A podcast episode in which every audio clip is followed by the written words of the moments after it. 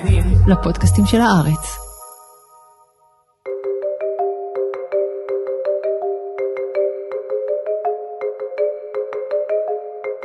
Good morning from the Ukrainian capital, Kiev. Gunfire and explosions have been heard here and in the second city of Kharkiv shortly after the Russian President Vladimir Putin authorized a special military operation in Ukraine's Donbass region.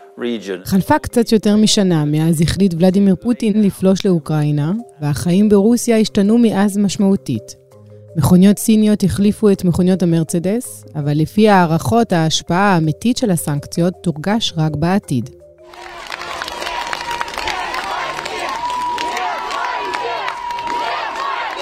השינוי המשמעותי הוא בהפיכתה של רוסיה למדינת משטרה, כמו בימי סטלין. כשהיציאה לרחוב עם דף לבן יכולה להיגמר במאסר, וכשמורים מלשינים על תלמידים משום שאינם פטריוטים מספיק. אבל לרוסיה יש צרות גדולות אפילו יותר מהמלחמה. האוכלוסייה שלה מתכווצת בחדות, והכלכלה שלה לא תצליח לתמוך בה אם לא תעבור שינויים עמוקים.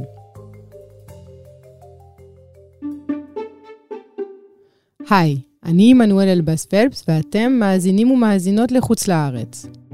בפרק הזה אנחנו מנסים להבין איך השתנו החיים ברוסיה, למה הסיכוי שהעם הרוסי ימרוד בפוטין הוא נמוך, והאם המדינה הגדולה ביותר בעולם יכולה פשוט להתפרק.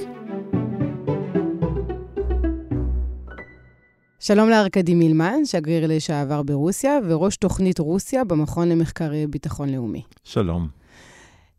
איך אה, נראים היום החיים של האזרחים במוסקבה ובסנט פטרסבורג שנה אחרי אה, הפלישה של רוסיה לתוך אוקראינה? התושבים בערים הגדולות לא כל כך מרגישים את המלחמה. מכיוון שרוב המגויסים ורוב האנשים שמשרתים היום בצבא רוסיה, למעשה באים מפריפריה, ובדרך כלל מפריפריה נכשלת. נכון שתושבים בערים הגדולות כמו מוסקבה, סן פטרסבורג, או ניז'ני נובגורוד, או יקטרינבורג, שם יש, אה, נגיד את זה ככה, פחות מבחר בחנויות בסופרמרקטים, בגלל הסנקציות. יש אה, פחות מכוניות יוקרה, שהרוסים בערים האלה, התושבים האלה היו אוהבים לקנות, ושם היה שפע ופרוספריטי, היה שגשוג שם, הם יכלו להרשות לעצמם. אה, רכבים סיניים החליפו את מרצדסים ומחירים אחרים. אה, ובסך הכל הם לא כל כך מרגישים. איפה זה כן מורגש? זה מורגש בהיבט הפסיכולוגי, ובהיבט של מה מותר להגיד, מה אסור להגיד, מה מותר לעשות, מה אסור לעשות, וכיוצא בכך. דוגמה קטנה, אם בן אדם יצא, והיו מקרים כאלה, עם נייר A4, דף נייר, פשוט, שלא יהיה שם שום דבר כתוב, הוא יעמוד ברחוב עם הדף הזה, המשטרה תעצור אותו. כי המשטרה מבינה שהדף הלבן הזה הוא בעצם מחאה. מחאה שהיה צריך, צריך שם להיות משהו כתוב כמו לא למלחמה, או אנחנו בעד שלום, או משהו כזה.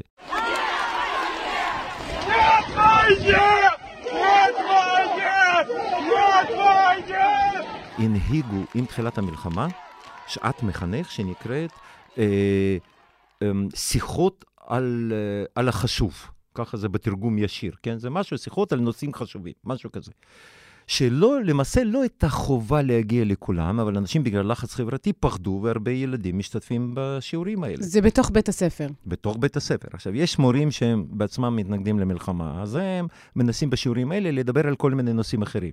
אבל רוב המורים הם דווקא תומכים, או מפחדים, או מפחדים לאבד עבודה, או מפחדים גם כן להיות מואשמים. אז הם עושים את השיחות. עכשיו, במהלך השיחות האלה, כל מיני ילדים הביעו התנגדות. ואז המורים התלוננו, ואז באו ועצרו את ההורים שלהם, והורים שילמו קנסות, והורים אה, נחקרו, ולא רק את זה, נאמר גם על ידי שלטונות שהם צריכים לשקול האם בכלל הם מסוגלים להיות הורים, וההורות שלהם הוטלה בספק, כי הם מחנכים את הילדים שלהם בצורה לא נכונה מבחינת השלטון. איך זה שילדים שלהם יכולים להתנגד למלחמה. והמקרה הכי בולט של זה, זה מה ששמענו ממש באחרונה, המקרה האבסורדי שבגלל ציור אנטי-מלחמתי של ילדה בת 12, משה מוסקלבה, אז הרשויות נכנסו לפעולה בכל הכוח ואבא שלה נעצר. מכיוון שזו משפחה חד-הורית והאב הוא ההורה היחיד, אז את הילדה שלחו לבית יתומים. עכשיו הוא עצור בבית, הוא במאסר בית, במעצר בית, סליחה, אה, והילדה עדיין בבית יתומים, ולא ברור אם יחזירו אותה כן או לא, ויש שם עורך דין שהוא נלחם. זאת אומרת, זה דברים הזויים שאנחנו בישראל לא מסוגלים להבין. אבל זה אומר שיש מורה או מורה שהלשין עליה. לא רק את זה, בתקופת סטלין היו למעלה, נדמה לי, אם אני לא טועה, שוב, אל תתפסו אותי במילה, אה, למעלה מחמישה מיליון מלשינים. זו גם תרבות של הלשנה. אחד הדמויות, לדוגמה, בתקופה סובייטית, אה, וכל מי שבא או למד, חי בברית המועצות וחי היום בארץ או במקומות אחרים בעולם, אה, הוא זוכר דמות אחת ששם שלה היה פבליק מרוזוב. מה זה? זה היה ילד שהוא היה בתנועת הנוער, והוא הלשין על הורים שלו. ואז המשטר הסובייטי עשה ממנו גיבור, כי הוא הלשין על הורים שלו שהם התנגדו למשטר. אז אנשים שמלשינים היום, האם הם מלשינים ממקום של פחד שאם אני לא אלשין, ילשינו עליי גם שלא הלשנתי, או האם הם מלשינים ממקום פטריוטי של להגן על אה, הממשלה והמדינה ומאמה רוסיה? תראי, אה, השאלה שלך היא מורכבת מאוד. בא בן אדם, אותה מורה, זה לא שהיא, קודם כל היא מונעת אחד מפחד שאם היא לא תלשין אולי יעשו משהו. שתיים, היא רוצה גם אה, להתבלט בזה. כמה היא פטריוטית, כמה היא עושה עכשיו טוב שהיא מענישה את הילדה הזאת ואת האבא שלה. זאת אומרת, זה מושגים שהם פשוט זרים לערכים ליברליים דמוקרטיים, וזו חברה שמושתתת על ערכים אחרים. ואת זה צריך להבין, ואת זה אנשים לא מעוניינים להבין. יש תהום בין מה שקורה במערב אירופה, עם ההבנה מה זה זכויות אדם, לבין מה שקורה ברוסיה. זה עולמות אחרים. זה משהו שקשור למבנה משטרי חברתי, שאנשים לא כל כך uh, מודעים לזה. ברוסיה במשך מאות שנים, כל המבנה משטרי חברתי היה מלמעלה כלפי מטה. top down באנגלית אומרים.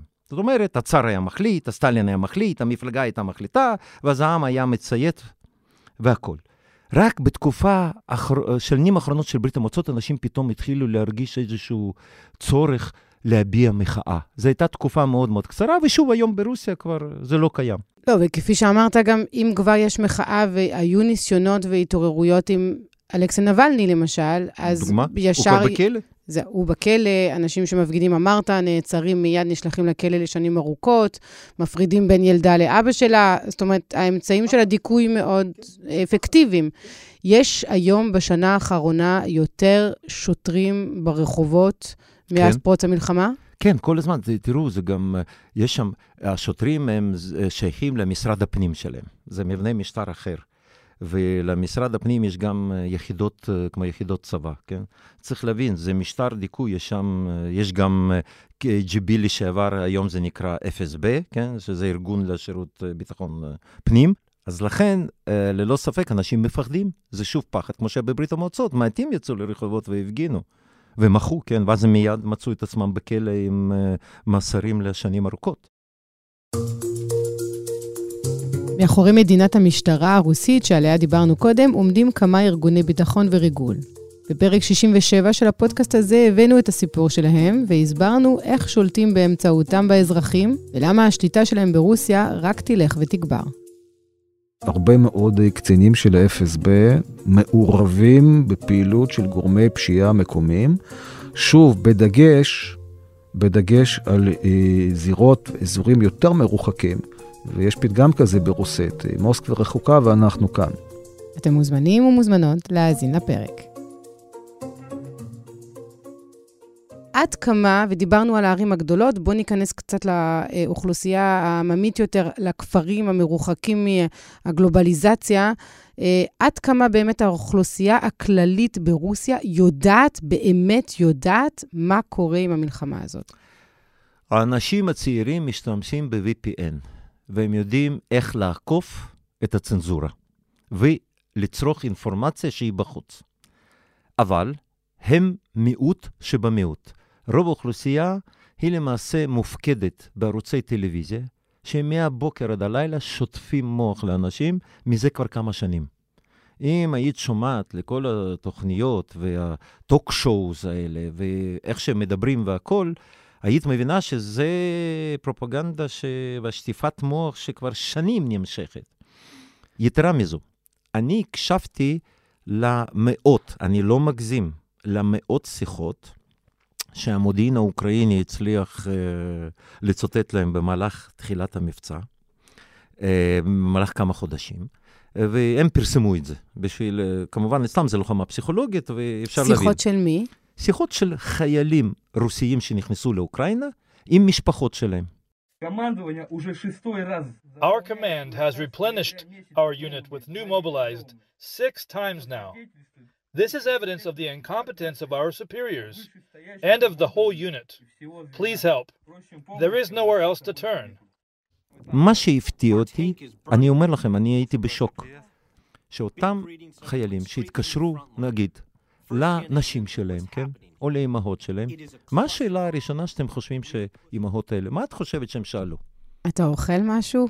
יש לך חי? איפה לישון? אתה לא נפצעת? אתה בריא? לא, הם שאלו, אתה יודע מה, הכסף לא הגיע, למה המשכורת עוד לא הגיעה שלך? למה לא הייתה דאגה? כי לא הבינו מה קורה בשטח? קודם כל לא הבינו, לא האמינו. שנית, זה בכלל לא עניין. פוטין הבטיח שזה מבצע קליל, יגיעו מיד, כולם יפגשו אותם עם הפרחים והכול.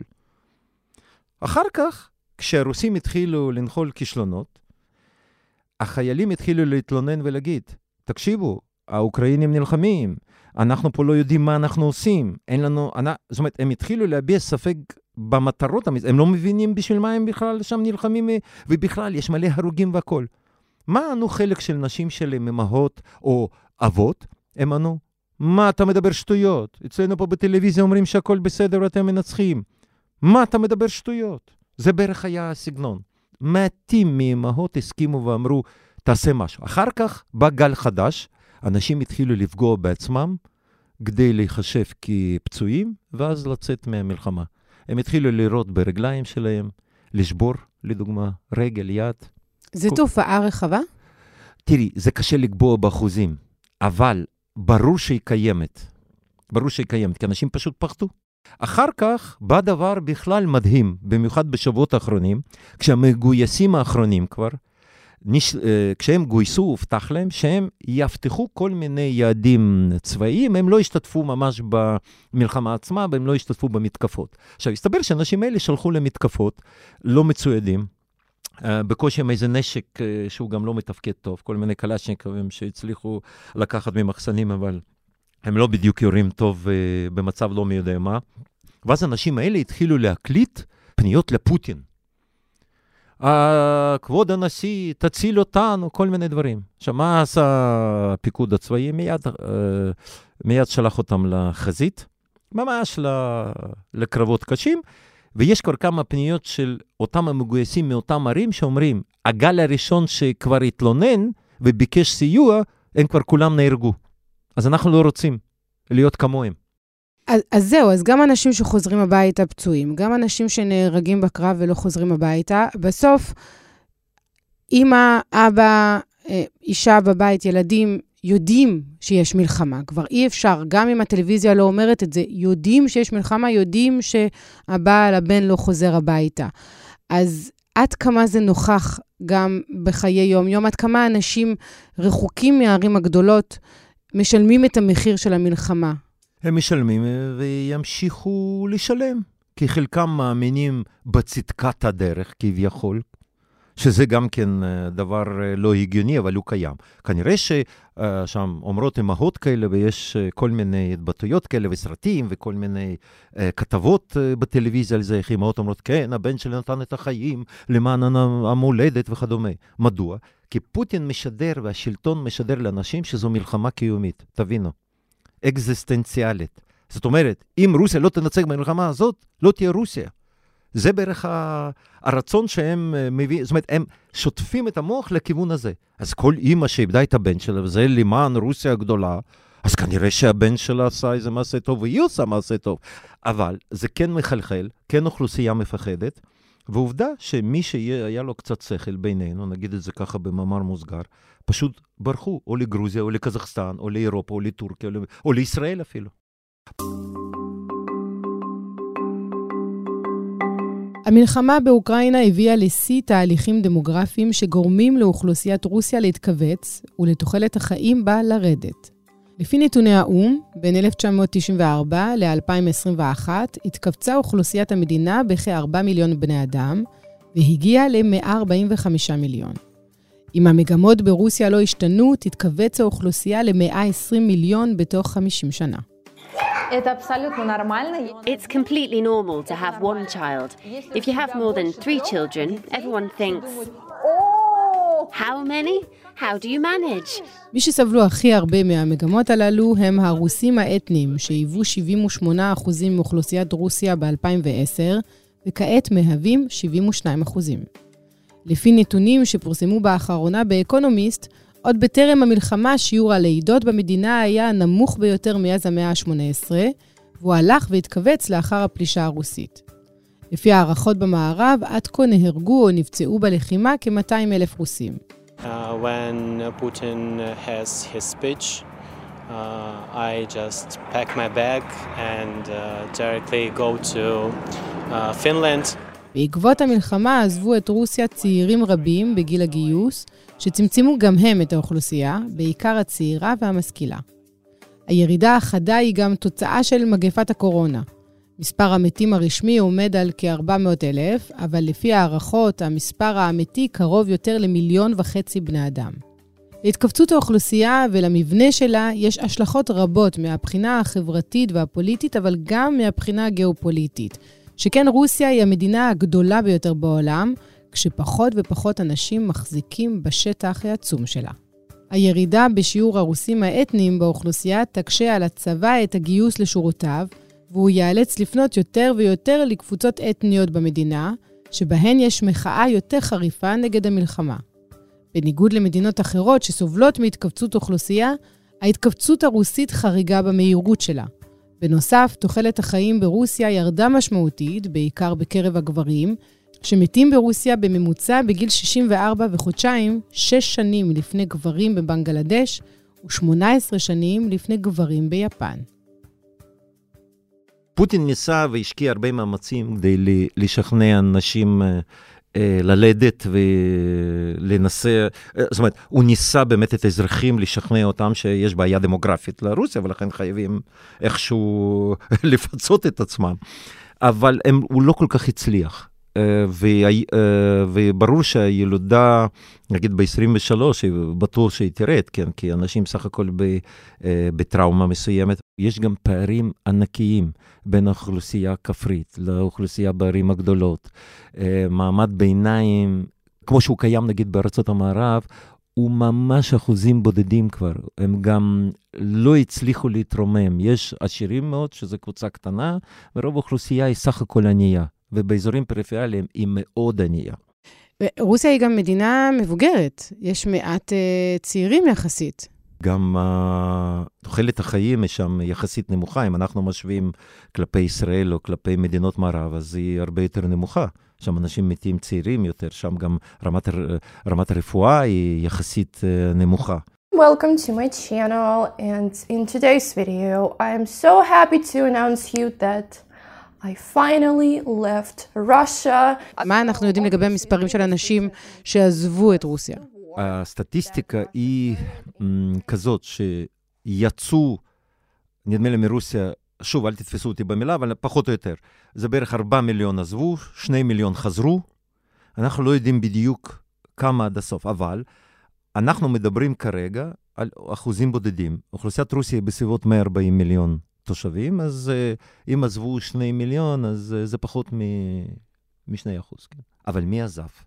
אנשי טכנולוגיה, זה אנשים צעירים, בעלי יכולות, שחלקם עזבו לגרוזיה, חלקם עזבו לאירופה, חלקם עזבו לארצות הברית אפילו, חלקם עזבו לקזחסטן, ואפילו לישראל הגיעו הרבה עם יכולות כאלה, וכרגע יושבים בישראל. יש גם בטורקיה. עכשיו, האנשים האלה באמת עזבו. עכשיו, מי עוד עזב? עזב כל מי שהיה יכול להרשות לעצמו, להחזיק את עצמו בחוץ. אז אמרת, אנשי IT, אנשים עם עסקים, עם כסף, זאת אומרת, משמעותיים לכלכלה באופן כלשהו, אמ, והאוכלוסייה הצעירה היא לא מאוד מאוד גדולה ברוסיה של היום. לאן זה מוביל את רוסיה. דיברת גם על התופעה הזאת של אה, ירידה בילודה והאי-יכולת של פוטין אה, כבר שנים טובות לדחוף את הנשים לעשות אה, יותר ילדים, אז לאן המצב הדמוגרפי הזה לוקח את רוסיה הגדולה? הוא לוקח אותה למקומות הלא טובים. זה ברור, המגמה היא מאוד מאוד ברורה. עכשיו, אם תוסיפי לזה את הבעיות כלכליות וכל מה שקשור לסנקציות, כולם חשבו שסנקציות יתחילו לפעול תוך כמה שבועות או כמה חודשים. סנקציות זה בדרך כלל אה, לטווחים, טווחי זמן בינוניים וארוכים. וכבר עכשיו אנשים מתחילים להרגיש את הסנקציות בכיס שלהם. והם ימשיכו. זאת אומרת, אם אנחנו מוסיפים את המרכיב הכלכלי הזה, שהוא בעייתי מאוד, והוא יפגע ללא ספק בכיסים של אנשים, רוסיה הולכת לכיוונים לא טובים. הפחד של פוטין שרוסיה תתפרק. ובאמת, יש חלקים לא מאוכלסים. ועדיין לרוסיה יש המון אה, אוצרות טבע והמון דברים שהיא יכולה להשתמש, ורוסיה יכלה לחיות טוב ויפה, לו היא לא הייתה נתונה לתמהיל של תחושת עלבון שלא מתייחסים אליה בכבוד הראוי לה, עם חוסר יכולת באמת לבנות כלכלה מודרנית. אל תשכחו, כלכלה של רוסיה, אם אנחנו לוקחים מהי האחוז של כלכלה עולמית, זה בסביבות אחוז וחצי. כשאירופה וארצות הברית זה למעלה מ-40 אחוז. אבל היא עדיין הכלכלה התשיעית בגודלה בעולם. היא לא כל כך כלכלה תשיעית, כי למה? אה, נומינלית את צודקת, אבל כשאת חופרת פנימה, מה את מגלה? התקציב של רוסיה הוא מורכב בלמעלה מ-50 אחוז מייצוא נפט וגז. עכשיו, אם לזה את מוסיפה מתכות, לזה את מוסיפה עוד כל מיני חומרים אה, אחרים, יהלומים, דברים, את מגיעה למעלה מ-70 אחוז. זאת אומרת, רוסיה היא לא כמו סין שמייצרת, ואת הסחורה שלה היא מייצאת. רוסיה היא רק אה, אוצרות טבע מייצאת בגדול. וזו נקודה מאוד מאוד משמעותית. לדוגמה, רוסיה לא יכולה עכשיו לעשות ולייצר נשק חדיש, ואפילו לא נשק חדיש. למה? כי אותו מכשור שקיים במפעלים, יש לו תוכנה מערבית. וחברות מערביות פשוט ניתקו את התוכנה. זה אומר שהמכשור הזה לא יכול לעבוד. הם לא הצליחו לייצר. עכשיו הם מקבלים כל מיני החלטות על מנת לבנות, אבל את מבינה שזה עניין של שנים. זה לא תוך מחר, מחרתיים. ויש המון, זה רשימות ארוכות של הדוגמאות האלה. отмечалось, ее фактическая динамика оказалась лучше многих экспертных прогнозов.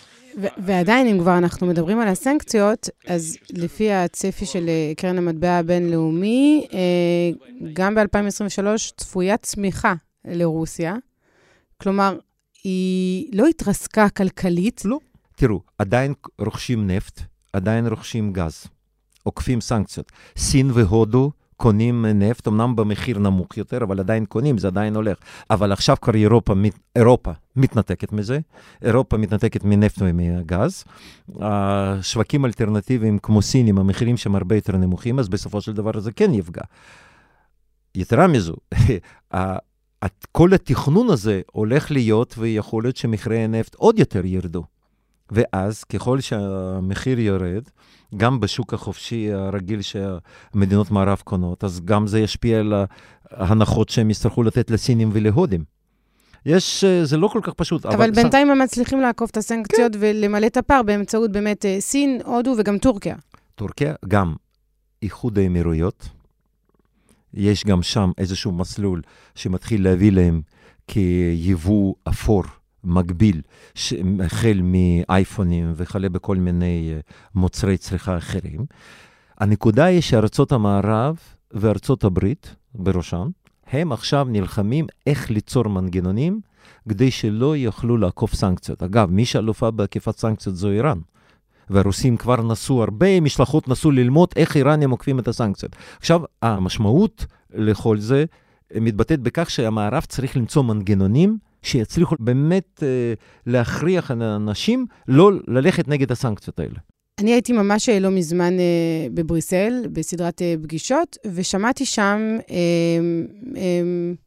סיפוק בקרב אנשים באיחוד האירופי שאומרים, אנחנו ידענו להטיל סנקציות והרבה חבילות אחת אחרי השנייה בזמן שיא. מעולם לא הוטלו כל כך הרבה סנקציות על גם מדינה בסדר גודל כזה. ויש מין הערכה סלש שאיפה שבשנה הבאה, א', לפוטין לא יהיה מספיק כסף כדי להמשיך ולהילחם בשטח, ב', אם יהיה לו מספיק כסף אה, לשים במלחמה, אז לא יהיה לו מספיק כסף לשים פנימה, לחלק גם כסף לאזרחים ולהמשיך לתחזק אותם. האם זאת שאיפה, או האם אתה חושב שיש משהו בהערכה לא, הזאת? לא, הם צודקים, אני כבר אומר לך, אה, אני כבר נותן לך דוגמה. עכשיו הם מקיימים, ממש בימים אלה, אה, יש עכשיו רעיון שכל אנשי עסקים יצטרכו לשלם איזשהו מס נוסף ולתרום כסף לתקציב המדינה, מעבר למה שהם צריכים לשלם. שזה אומר שיש בעיות באיסוף כספים ואיסוף מיסים. זה הוכחה ישירה. עכשיו, ברור שהם עכשיו מבינים שהם לא יכולים עכשיו לחלק כפי שהם רוצים. אגב, הם חשבו אה, בגדול שהם יכריחו את המערב אה, לענות לדרישותיהם וימשיכו לקנות גז. הם חשבו שהמערב לא יצליח להסתדר ולמצוא אה, מקורות חילופיים. עובדה שמצאו, ועובדה שהמערב מוכן לשלם על מנת שרוסיה לא יהיה לה כסף ל... אגב, הם שמו גם מחיר תקרה לנפט, כן? ויש כל מיני מגבלות שאוניות לא יכולות להביא, זה וה... תורה שלמה. והמערב גם הטיל סנקציות אה, ספציפיות, ממוקדות, על אוליגרכים, אנשים עשירים מאוד, מקורבים לפוטין, ככל הנראה, בלי שזה נאמר במפורשות, בתקווה שהאנשים האלה יתהפכו על פוטין, ואולי אפילו יפילו אותו. זה לא קורה. אנחנו לא רואים בסביבה, או בטח לא שומעים על זה בסביבה של פוטין, אה, קולות אסביר. שקמים נגד המלחמה. אסביר. כי הם חלק של השיטה. כל האוליגרכים האלה, הם נהנו מזה.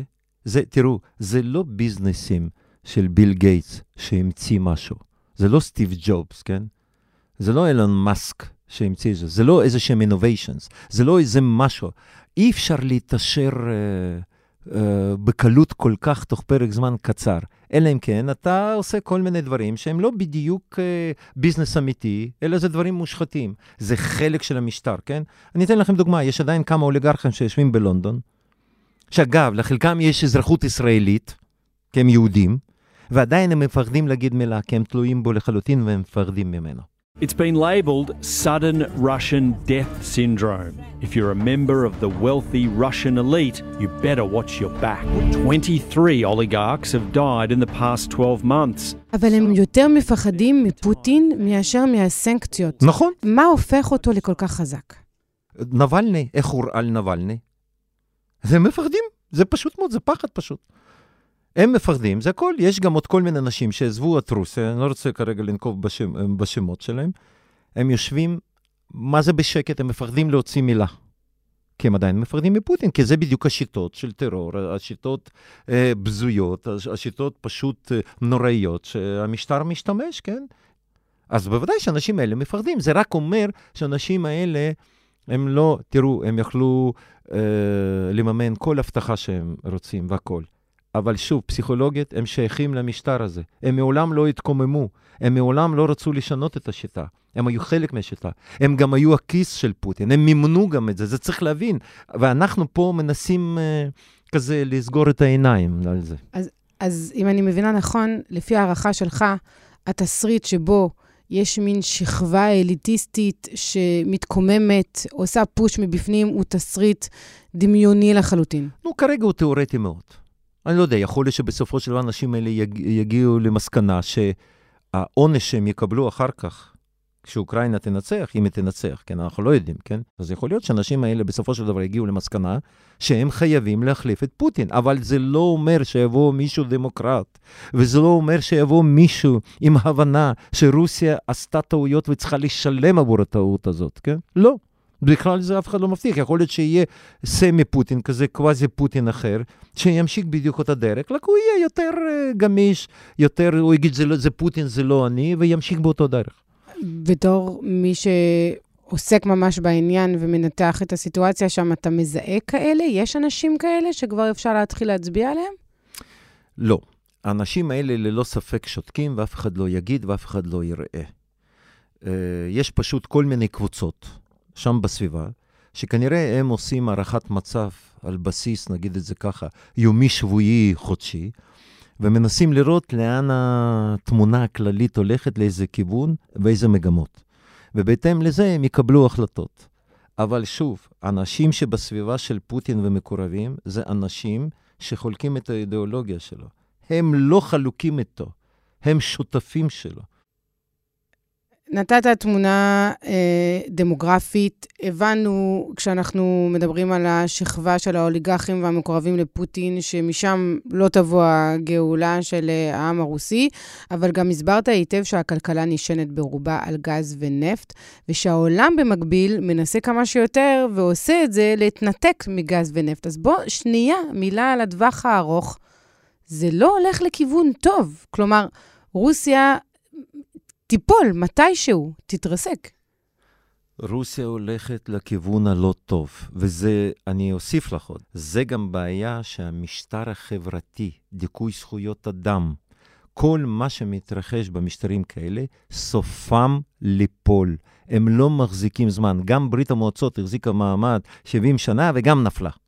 צריך לקחת את זה בחשבון. גם המשטר הזה ייפול וגם רוסיה תיפול, והולכת לכיוון הלא טוב. היה ניסיון קצר מאוד ממש קצר בזמנים, בתחילת שנות ה-90, איכשהו לשנות את כיוון ההתפתחות של רוסיה. לא הצליחו לעשות את זה. עכשיו, אחרי שתסתיים המלחמה, אם היא תסתיים, ולא ברור מתי היא תסתיים, היא יכולה להימשך עוד שנים רבות, רוסיה הולכת בכיוון בעייתי ביותר. ארכדי מילמן, תודה רבה לך. תודה לכם.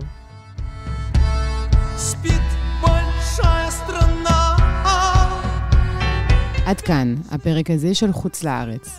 אנחנו נמצאים כל הזמן באתר ובאפליקציה של עיתון הארץ, ובכל אחד מהפלטפורמות שבהן אתם צורכים פודקאסטים. תודה רבה על ההאזנה, תודה לאסף פרידמן, תודה לאמיר פקטור, לאברי רוזנצבי ולרועי סמיוני. אני עמנואל אלבאס פלפס, נשתמע בשבוע הבא.